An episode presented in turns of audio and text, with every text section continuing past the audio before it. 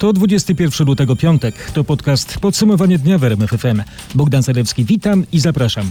Wyrażenia klucze w wydarzeniach to Bruksela, budżet, będzie nowy szczyt, Witek, Banaś, Sejm i NIK, Chiny, więzienia i koronawirus oraz śmierć języków świata. Będzie potrzebny kolejny szczyt w sprawie unijnego budżetu na następnych 7 lat. Negocjacje w Brukseli, które trwały od czwartku nieprzerwanie, a z krótką poranną przerwą, skończyły się bez porozumienia. Śledzili je nasi dziennikarze Katarzyna Szymańska-Borginą i Michał Zieliński. Dlaczego Polska znalazła się wśród krajów, które odrzuciły poprawiony projekt? Oferta dla Polski była zbyt skromna, za to za mocno uwzględniała interesy krajów, które chciały wpłacać jak najmniej do wspólnego budżetu. Za małe były e, dodatkowe wpłaty do Funduszu Spójności w szczególności i również cały czas jeszcze za małe na dopłaty e, na wspólną politykę rolną. Premier Mateusz Morawiecki dodał, że Polska chciała ponadto zachować jedność grupy przyjaciół spójności, która wspólnie walczyła o większy unijny budżet. A kiedy odbędzie się powtórka ze szczytu? Na razie nie wiadomo. Szef Rady Europejskiej zapytany, czy chodzi o tygodnie, czy raczej miesiące, unikał odpowiedzi. Według Charlesa Michela ten szczyt był potrzebny, bo pozwolił określić różnice, tak by było wiadomo o czym dalej rozmawiać. Na razie na odległość. W przeszłości szczyty budżetowe Unii też trzeba było powtarzać, chociaż tym razem, jak przewiduje polski premier, być może trzeba będzie się spotkać nawet kilka razy. Z Brukseli Michał Zieliński. I Katarzyna Szymańska-Borginą. A więc sprawa unijnego budżetu zawieszona. Teraz y, bieżący komentarz do ważnej sprawy nowego kryterium przyznania pieniędzy. Ten mechanizm miałby wiązać dostęp do środków unijnych z przestrzeganiem praworządności. Najpierw tę praworządność trzeba zdefiniować. Ona nie jest zdefiniowana w żadnym prawnie wiążącym dokumencie Unii Europejskiej, a tym bardziej w żadnym traktacie. Tak propozycję łączenia budżetu europejskiego z oceną praworządności komentuje były szef polskiej dyplomacji Witold Waszczykowski. Eurodeputowany Prawa i Sprawiedliwości dodaje z ironią, że ta mityczna praworządność jest jak Yeti. Wszyscy o niej mówią, ale nikt nic o niej nie wie. Zasady musiałyby być doprecyzowane zdefiniowany dla wszystkich. Czyli nie tylko dla Polski i Węgier, ale również dla Francji. Czy, czy pan sobie, państwo sobie wyobrażacie, Francja w takiej sytuacji, jaki jest zamieszek od, od roku, zdecyduje się na to, żeby ktoś z zewnątrz e, dokonywał analizy praworządności we Francji? Czy Włochy, czy Grecja i tak dalej? Czy to, to, to nie Polska będzie blokowała, bo jeśli zostanie zaproponowany mechanizm powszechny według jakichś kryteriów obiektywnych, no to spróbujmy. E, po drugie, jeśli ten mechanizm zostanie zaproponowany, to muszą wszyscy się na to zgodzić. Trzeba by zrobić to poprzez traktat, więc trzeba otworzyć traktat. A to jest bardzo niebezpieczne, dlatego że jedni będą chcieli uzupełnić traktat, ale inni mogą ten traktat ograniczyć i wyłuskać z traktatu pewne zobowiązania. Cała rozmowa Balinowski-Waszczykowski jest na rmf24.pl. Warto się zapoznać. To świetny komentarz do rozmów budżetowych na szczycie w Brukseli. I może jeszcze jeden dodatkowy punkt dotyczący praworządności. Szefowie najważniejszych europejskich stowarzyszeń sędziowskich domagają się pilnego spotkania z przewodniczącą Komisji Europejskiej w sprawie wejścia w życie ustawy dyscyplinującej sędziów. W liście do Ursuli von der Leyen podkreślają, że nowe przepisy łamią prawo Unii Europejskiej. Opublikowało ten list Stowarzyszenie Temis. Nie mogłam w żaden sposób interweniować, oświadczyła marszałek Sejmu po spotkaniu z Marianem Banasiem w sprawie wejścia agentów Centralnego Biura Antykorupcyjnego do gabinetu prezesa Najwyższej Izby Kontroli. Rozmowy Elżbiety Witek z kierownictwem NIK-u trwały godzinę. Spotkanie to efekt apelu prezesa Izby, który twierdzi, że służby naruszyły jego immunitet i złamały prawo. Nasz dziennikarz Patryk Michalski przytoczy argumenty marszałek Witek. Dlaczego uważa, że nie mogła nic w tej sprawie zrobić? Bo uważa, że immunitet dotyczy konkretnej osoby, a nie miejsca i powołuje się przy tym na wyrok sądu sprzed lat, a także opinię Biura Analiz Sejmowych. Marszałek Sejmu może interweniować tylko wówczas, kiedy naruszona jest nietykalność osobista posła albo prezesa Najwyższej Izby Kontroli, bo to jest ten sam immunitet formalny, albo wtedy, kiedy następuje do zatrzymania bądź do aresztowania.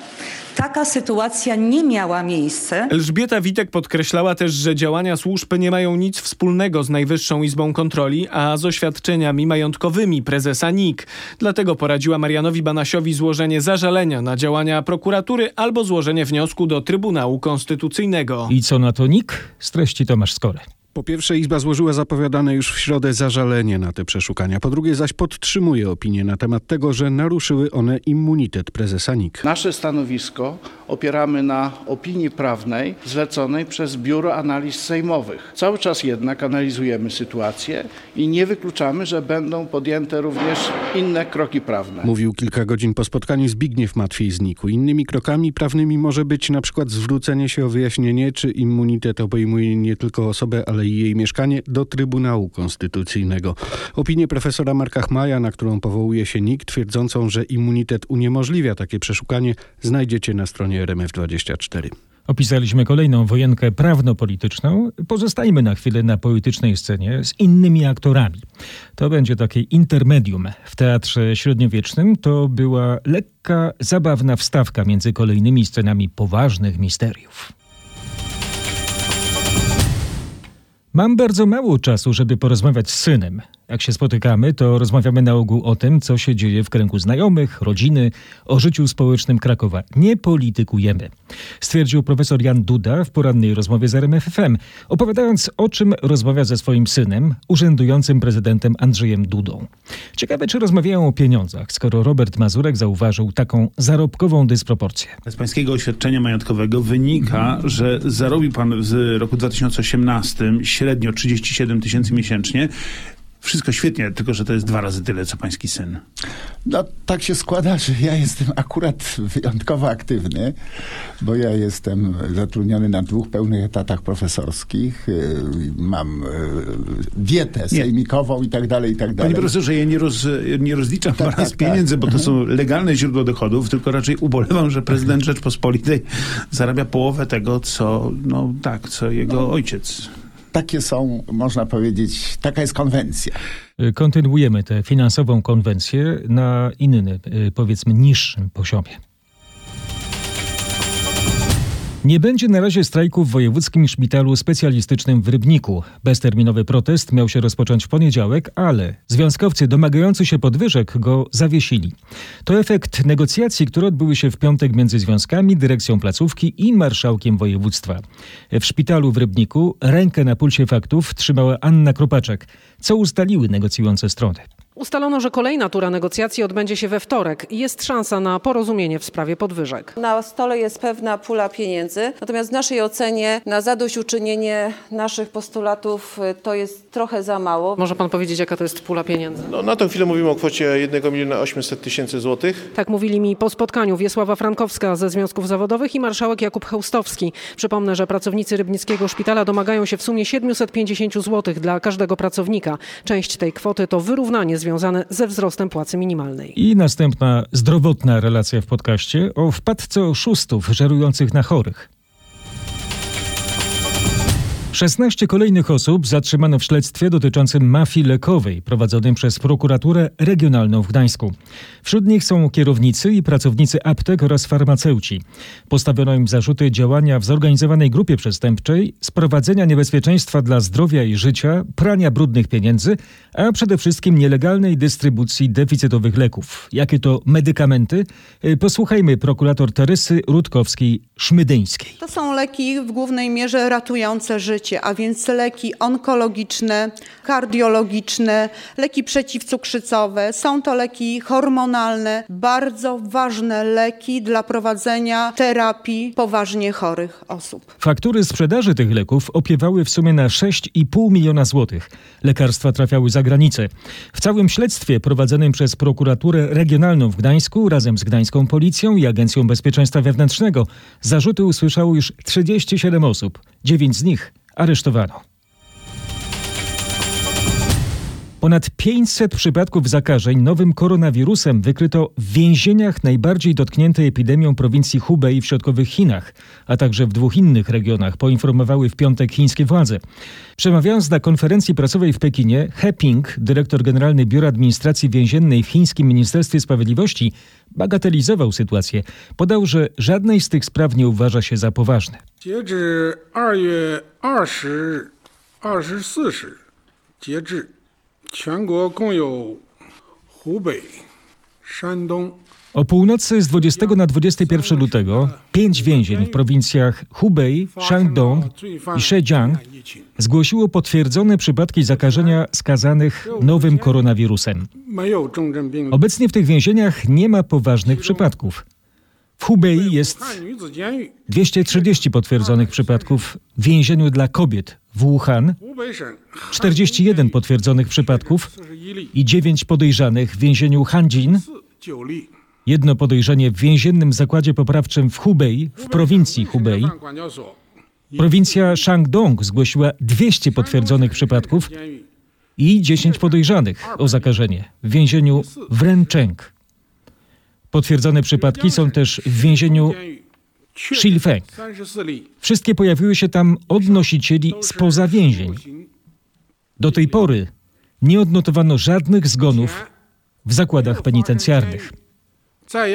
Tak podkreślił He Ping. Jednak według dziennika Hubei Ribao naczelnik więzienia w Wuhan został już zwolniony ze stanowiska za to, że nie zapobiegł szerzeniu się infekcji.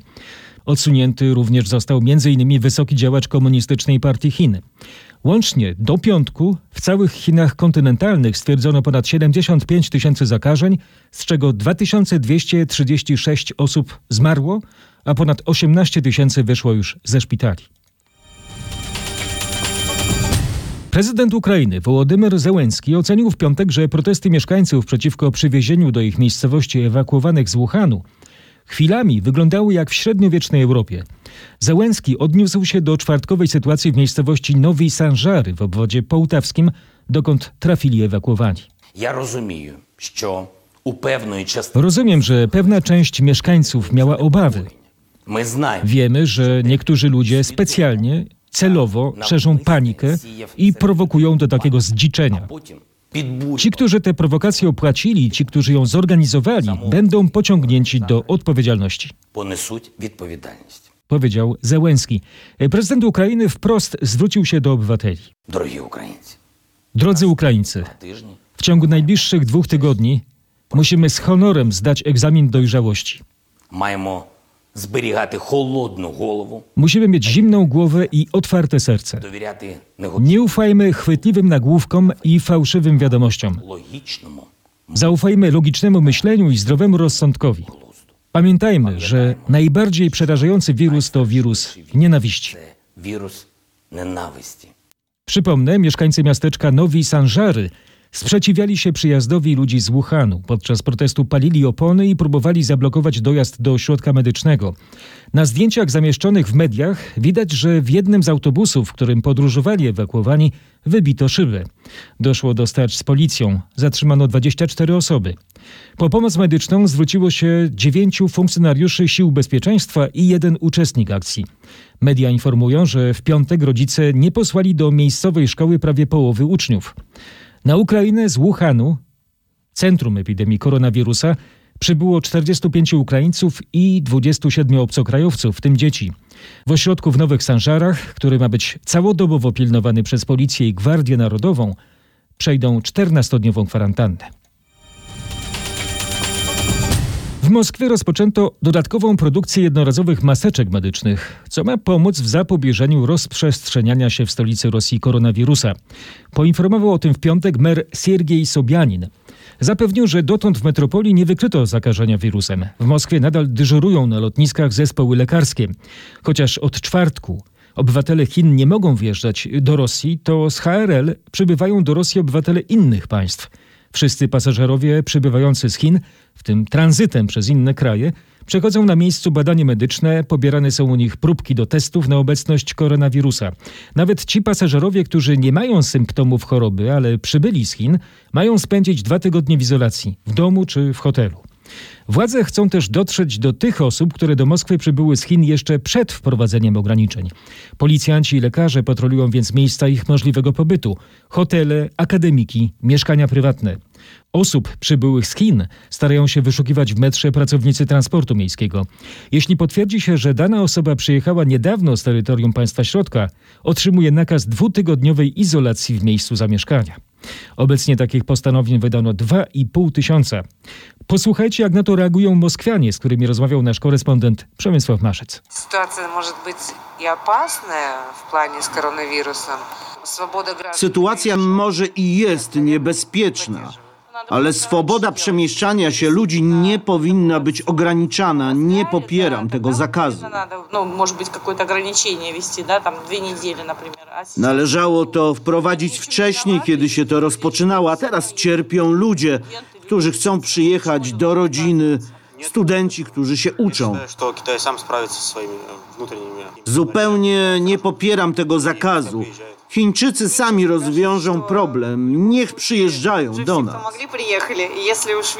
Myślę, że wcześniej ci, co chcieli, to już przyjechali. I jeżeli wirus się przedostał, to mleko się wylało. To już nie zależy od nas. Po raz pierwszy w moim życiu dzieje się coś takiego. Były epidemie grypy, wirusy, ale tylu śmierci nie było. Uważam, że mamy do czynienia z ekstremalną sytuacją i może to wymaga ekstremalnych działań. Экстремальные ситуации могут быть и Trzy lata żyłam w Chinach. Nie bójcie się, to było dawno. Mam tam wielu przyjaciół i ten zakaz narusza prawa człowieka. Честно говоря, я считаю, что этот запрет неправильный, потому что он нарушает права человека передвигаться свободно по миру. Wirus strachu jak widmo krąży nad Europą. Nic dziwnego, do 16 wzrosła w ciągu jednego dnia liczba potwierdzonych przypadków koronawirusa na północy Włoch. Poinformowały służby medyczne w Lombardii i Wenecji Euganejskiej. Liczba zakażonych rośnie w szybkim tempie. 14 osób przybywa w szpitalach w Lombardii. Są to 38-letni mężczyzna, który zaraził się prawdopodobnie od kolegi po jego powrocie z Chin, a także ciężarna żona chorego i m.in. pięciu pracowników szpitala w miejscowości Codonio. To tam na pogotowie zgłosił się 38-latek w ciężkim stanie. Z regionu Wenecja Euganejska napłynęły informacje o dwóch zakażonych osobach, u których pierwsze badania potwierdziły obecność groźnego wirusa to dwóch 70-latków. W szpitalu zakaźnym w Rzymie przebywa troje chorych, którzy zarazili się w styczniu w Chinach, w mieście Wuhan, pierwotnym ognisku epidemii. Lekarze poinformowali, że stan małżeństwa chińskich turystów poprawia się, a młody Włoch został już wyleczony. Radny z Lombardii, Giulio Galera, zakomunikował. Właśnie postanowiliśmy zaapelować do mieszkańców gmin Codogno, Castiglione d'Adda i Casal Pusterlengo, aby pozostali w swoich domach. Mieszkaniec Codogno tak komentuje obecną sytuację. Panico. Po tym, jak te nowe przypadki zostały podane do publicznej wiadomości, ogarnia nas coraz większy strach. Mam na myśli noszenie maseczek. Jednak myślę, że panika jest przesadna. Zamykanie ulic to przesada. Teraz ludzie, którzy tu pracują, mają jeszcze większe kłopoty. A tak na zagrożenie koronawirusem reaguje mieszkanka Codonio. Sytuacja jest tego typu, że na razie zarządzono zakaz wszelkiej handlowej działalności w mieście. Dostosowujemy się do tego, więc zamykamy sklepy. Panuje spory niepokój. To nas trapi. Naprawdę jestem bardzo zmartwiona, biorąc pod uwagę rozwój zdarzeń. Trzy pistolety miał legalnie posiadać sprawca ataku w Hanau w Hesji w zachodnich Niemczech. W poprzednim podcaście poświęciłem sporo y, czasu, uwagi tej tragedii. Możecie do niego sięgnąć. Tu tylko krótko przypomnę. Niemiec Tobias R. z nocy ze środy na czwartek zabił dziewięć osób w barach z fajkami wodnymi, potem zastrzelił własną matkę i popełnił samobójstwo. U naszych zachodnich sąsiadów rozgorzała dyskusja wokół przepisów o posiadaniu broni. Śledzi ją uważnie nasza reporterka Aneta Łuczkowska. Pojawiają się już głosy polityków na temat zaostrzenia kryteriów przyznawania zezwoleń na posiadanie broni. Chodzi o testy psychologiczne i okresową weryfikację właśnie stanu psychicznego posiadaczy pistoletów i strzelb. Tobias R., sprawca ataku z Hanau, broń miał od 2013 roku, posiadał licencję strzelca sportowego. O doprowadzenie do tragedii obwiniana jest też prawicowa partia AfD. To ugrupowanie antyimigranckie i nacjonalistyczne. Coraz więcej wiadomo również o ofiarach strzelaniny. Rano prezydent Rumunii poinformował, że na liście ofiar jest obywatel tego kraju. Zbrodnia wywołała szok wśród społeczności muzułmańskiej w Hanau. Tak śmierć jednej z ofiar skomentował islamski mieszkaniec miasta Omir Demir.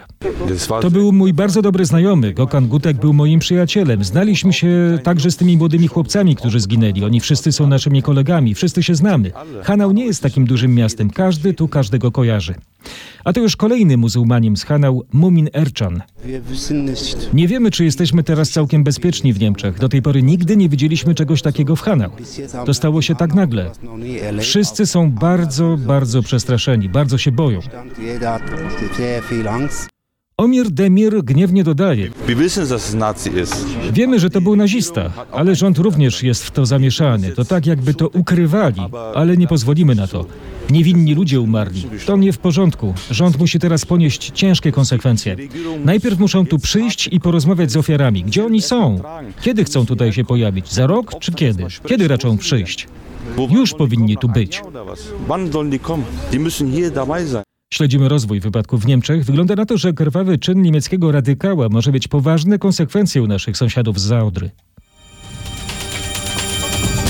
Rok więzienia w zawieszeniu na trzy lata. Taki wyrok usłyszał Dariusz S., szef ochrony ubiegłorocznego finału Wielkiej Orkiestry Świątecznej Pomocy w Gdańsku. Był oskarżony m.in. o składanie fałszywych zeznań. Mężczyzna przekazał policji, że zabójca prezydenta Pawła Adamowicza wszedł na scenę dzięki plakietce z napisem Media. W sądzie był Kuba Kaługa. Czy będzie apelacja? Prokuratura chciała dwóch lat bezwzględnego więzienia, ale z wnioskiem co do apelacji poczeka na analizę pisemnego uzasadnienia wyroku. Zdaniem sądu fałszywe zeznania Dariusza S. nie miały większego znaczenia. Co ważne, za fałszywe zeznania nie uznano tej informacji o plakietce, ale to co później mówił on śledczym, czyli że takiej informacji nie przekazywał.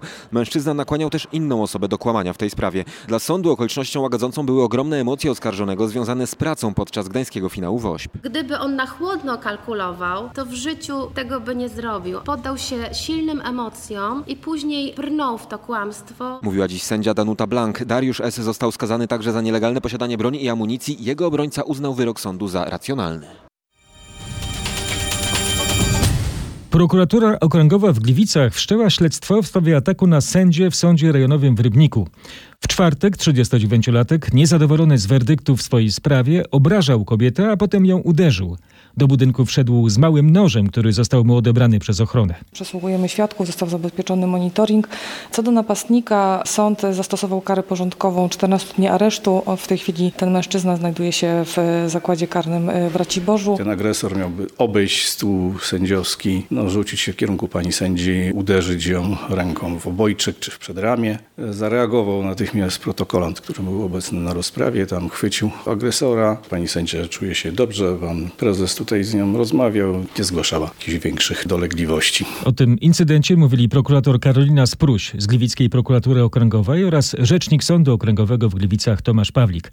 Agresywnemu mężczyźnie, który zaatakował funkcjonariusza publicznego w Todze, w dodatku damskiemu bokserowi, grozi 10 lat więzienia.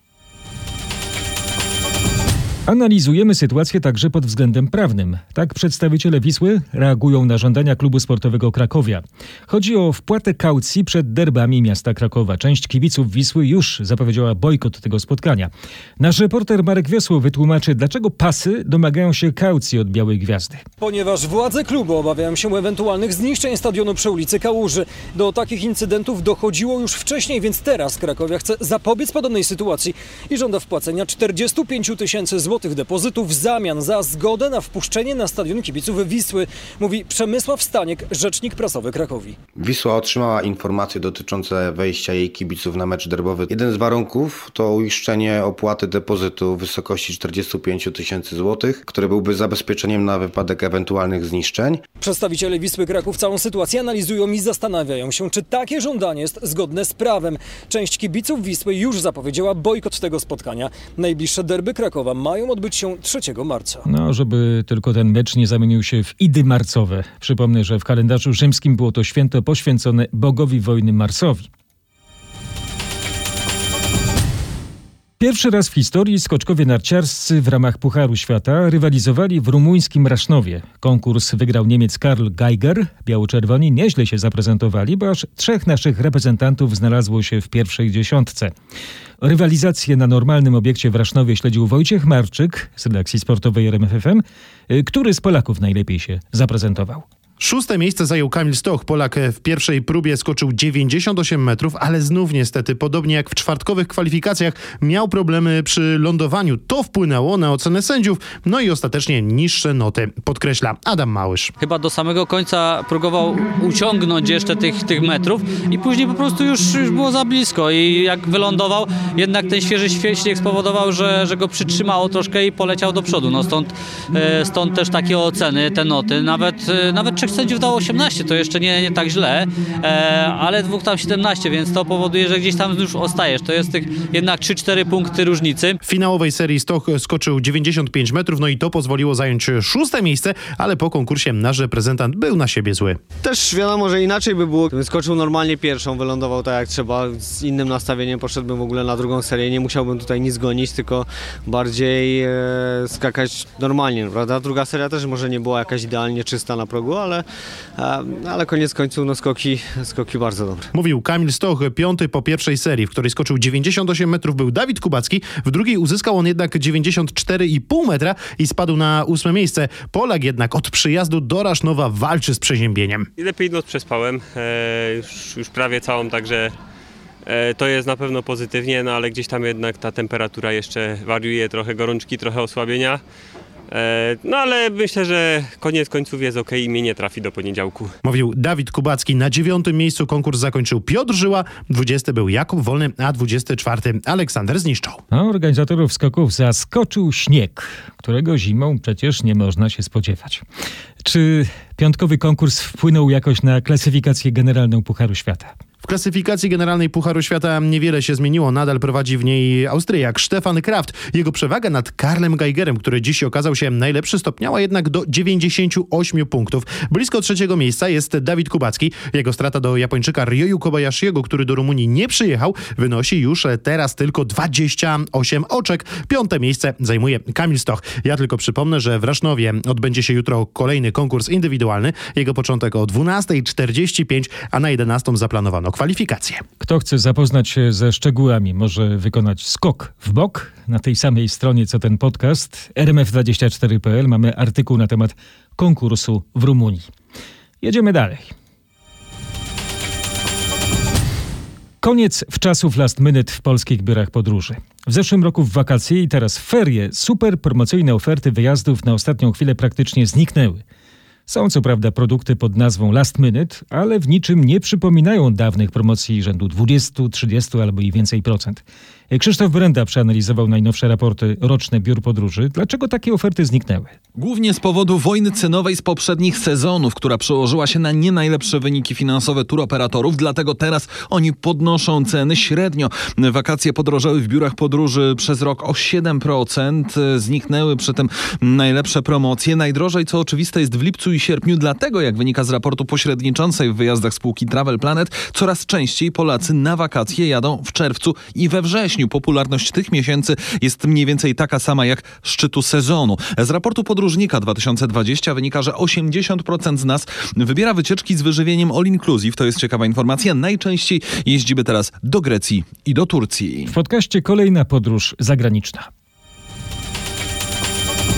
Rewolucję w sferze obrony praw konsumentów zapowiada francuski rząd. Dzięki specjalnej aplikacji na smartfony klienci będą mogli natychmiast sygnalizować kontrolerom nielegalne praktyki.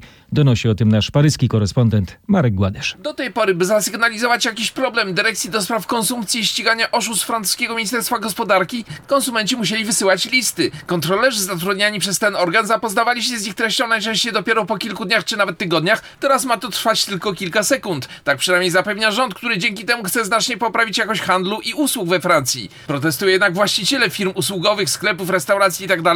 obawiają się potopu kłamliwych donosów wysyłanych nie tylko przez niezadowolonych klientów, ale również na przykład przez konkurentów. A teraz o pewnym nonkonformiście. Jego zwolennicy są zachwyceni. Świat filmu oburzony. Prezydent Donald Trump na wiecu wyborczym skrytykował amerykańską Akademię Filmową za przyznanie filmowi Parasite Oscara w najważniejszej kategorii. Opowie o tym z oceanu korespondent RMFFM Paweł Żuchowski. Nie była to merytoryczna krytyka filmu, a wypowiedź motywowana politycznie. Tak oceniają to komentatorzy, którzy uważają, że prezydent USA nie powinien pozwalać sobie na takie uwagi. O co do diabła w tym wszystkim chodzi? Mamy dosyć problemów z Koreą Południową w handlu. Jakby tego było mało, dali filmowi tytuł najlepszego filmu roku. Czy to było słuszne? Nie wiem, powiedział prezydent, za co zebrał brawa od swoich zwolenników. Czy nie możemy mieć jeszcze czegoś w rodzaju Przeminęło z wiatrem czy Bulwaru Zachodzącego Słońca? Tak wiele jest e, wspaniałych filmów, dodał. E, Film zagraniczny po raz pierwszy w historii sięgnął po Oscara w najważniejszej kategorii. Ta decyzja przez wielu ludzi filmu uznana została za znak, że Akademia w końcu zrozumiała, że Oscary muszą być uroczystością, która nagradza faktycznie najlepsze filmy, niezależnie gdzie one powstały i kto stał za ich produkcją. Z Waszyngtonu Paweł Żuchowski. Złe informacje dla naszych artystów. Od przyszłego roku, aby pracować w Wielkiej Brytanii po Brexicie, będą artyści potrzebowali wizy. Tak wyjaśnia brytyjski rząd. Nasz korespondent Bogdan Frymorgan wyjaśni, kogo będą dotyczyć te zasady. Na przykład y, muzyków i aktorów, by pracować na wyspach, będą musieli zapłacić 244 funty za wizę, udokumentować, że dysponują tysiącem funtów i to na trzy miesiące przed przyjazdem oraz, że posiadają sponsora, który uwiarygodni ich wniosek. Brytyjski przemysł muzyczny to olbrzymia machina. Sama scena koncertowa przynosi rocznie około miliarda funtów dochodu. Zapowiadane restrykcje szczególnie dotkną mało znanych artystów, którzy pragną zrobić karierę w Wielkiej Brytanii. Na razie nie wiadomo, jak na te plany zareaguje Bruksela, która może podobnie utrudnić życie brytyjskim artystom chcącym pracować w Europie. W Polsce pożegnaliśmy znakomitego artystę. Krzyżem Komandorskim Orderu Odrodzenia Polski za wybitne zasługi dla rozwoju polskiej kultury pośmiertnie odznaczony został Jerzy Gruza. Reżyser zmarł w niedzielę. W piątek odbyła się ceremonia pogrzebowa. Jerzego Gruzę wspominali m.in. aktorzy, z którymi współpracował, wśród nich Anna Seniuk. Miał poczucie humoru przede wszystkim na swój temat. Mogliśmy się z niego śmiać, mogliśmy w twarz mówić o jego wadach. Był wybitnym reżyserem teatralnym, zrobił wiele wspaniałych spektakli. Przyjaźniłam się z Jerzym Gruzą przez lat 40. Nie było mojej imprezy, żeby Jurek na niej nie był i nie było Jurka imprezy, żebym ja na niej nie była. Bo on był zawsze w bajecznej formie. Przyznaje Hanna Bakuła. Jerzy Gruza został pochowany na warszawskich Powązkach. A teraz w części kulturalnej naszego podcastu ważna rocznica. A opowie o niej Malwina Zaborowska. Dokładnie dziś mija 45 lat od premiery Ziemi Obiecanej, ekranizacji powieści Władysława Rejmonta w reżyserii Andrzeja Wajdy. Ziemia obiecana to epicki obraz kapitalistycznej łodzi końca XIX wieku. Obraz był nominowany do Oscara. Muzykę do filmu skomponował Wojciech Kilar. W pamięci widzów zapisały się wybitne kreacje aktorskie, m.in. Daniela Olbrychskiego, Andrzeja Seweryna i Wojciecha Przoniaka. No i Kaliny Jędrusik na przykład. Ja ją zapamiętałem. Polecam gorący podcast Malwiny Zaborowskiej, Agnieszki Friedrich oraz Katarzyny Sobiechowskiej-Szuchty. Twój weekend na rmf24.pl.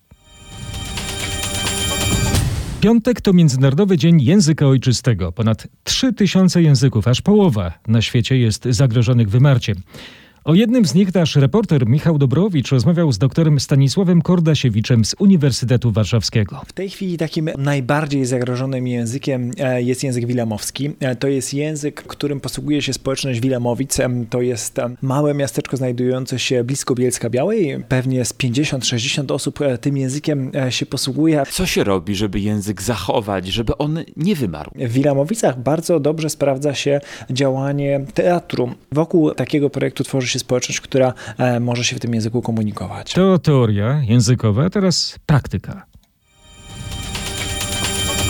Niewielkie Wilamowice w Śląskiem odwiedził nasz reporter Marcin Buczek, a rozmawiał z Justyną Majerską-Schneider po polsku, ale z elementami wilamowszczyzny. Jedno z pierwszych słów po wilamowsku, które pani kojarzy z dzieciństwem to?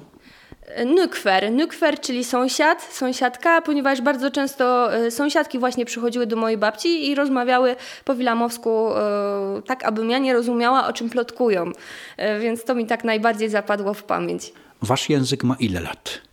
Oj, ciężko ocenić, ile lat ma język, ale możemy mniej więcej oszacować początki osady, z którą pojawił się język na terenie Polski. To był XIII wiek i osadnicy z zachodu Europy. To jeszcze na koniec po wilamowsku zapraszamy na fakty w RMFFM. Hocogon ajodwer ufa fakta im RMFFM. A ja zapraszam do słuchania i zasubskrybowania tego podcastu. To było podsumowanie dnia w RMFFM. Za uwagę dziękuję. Bogdan Zalewski.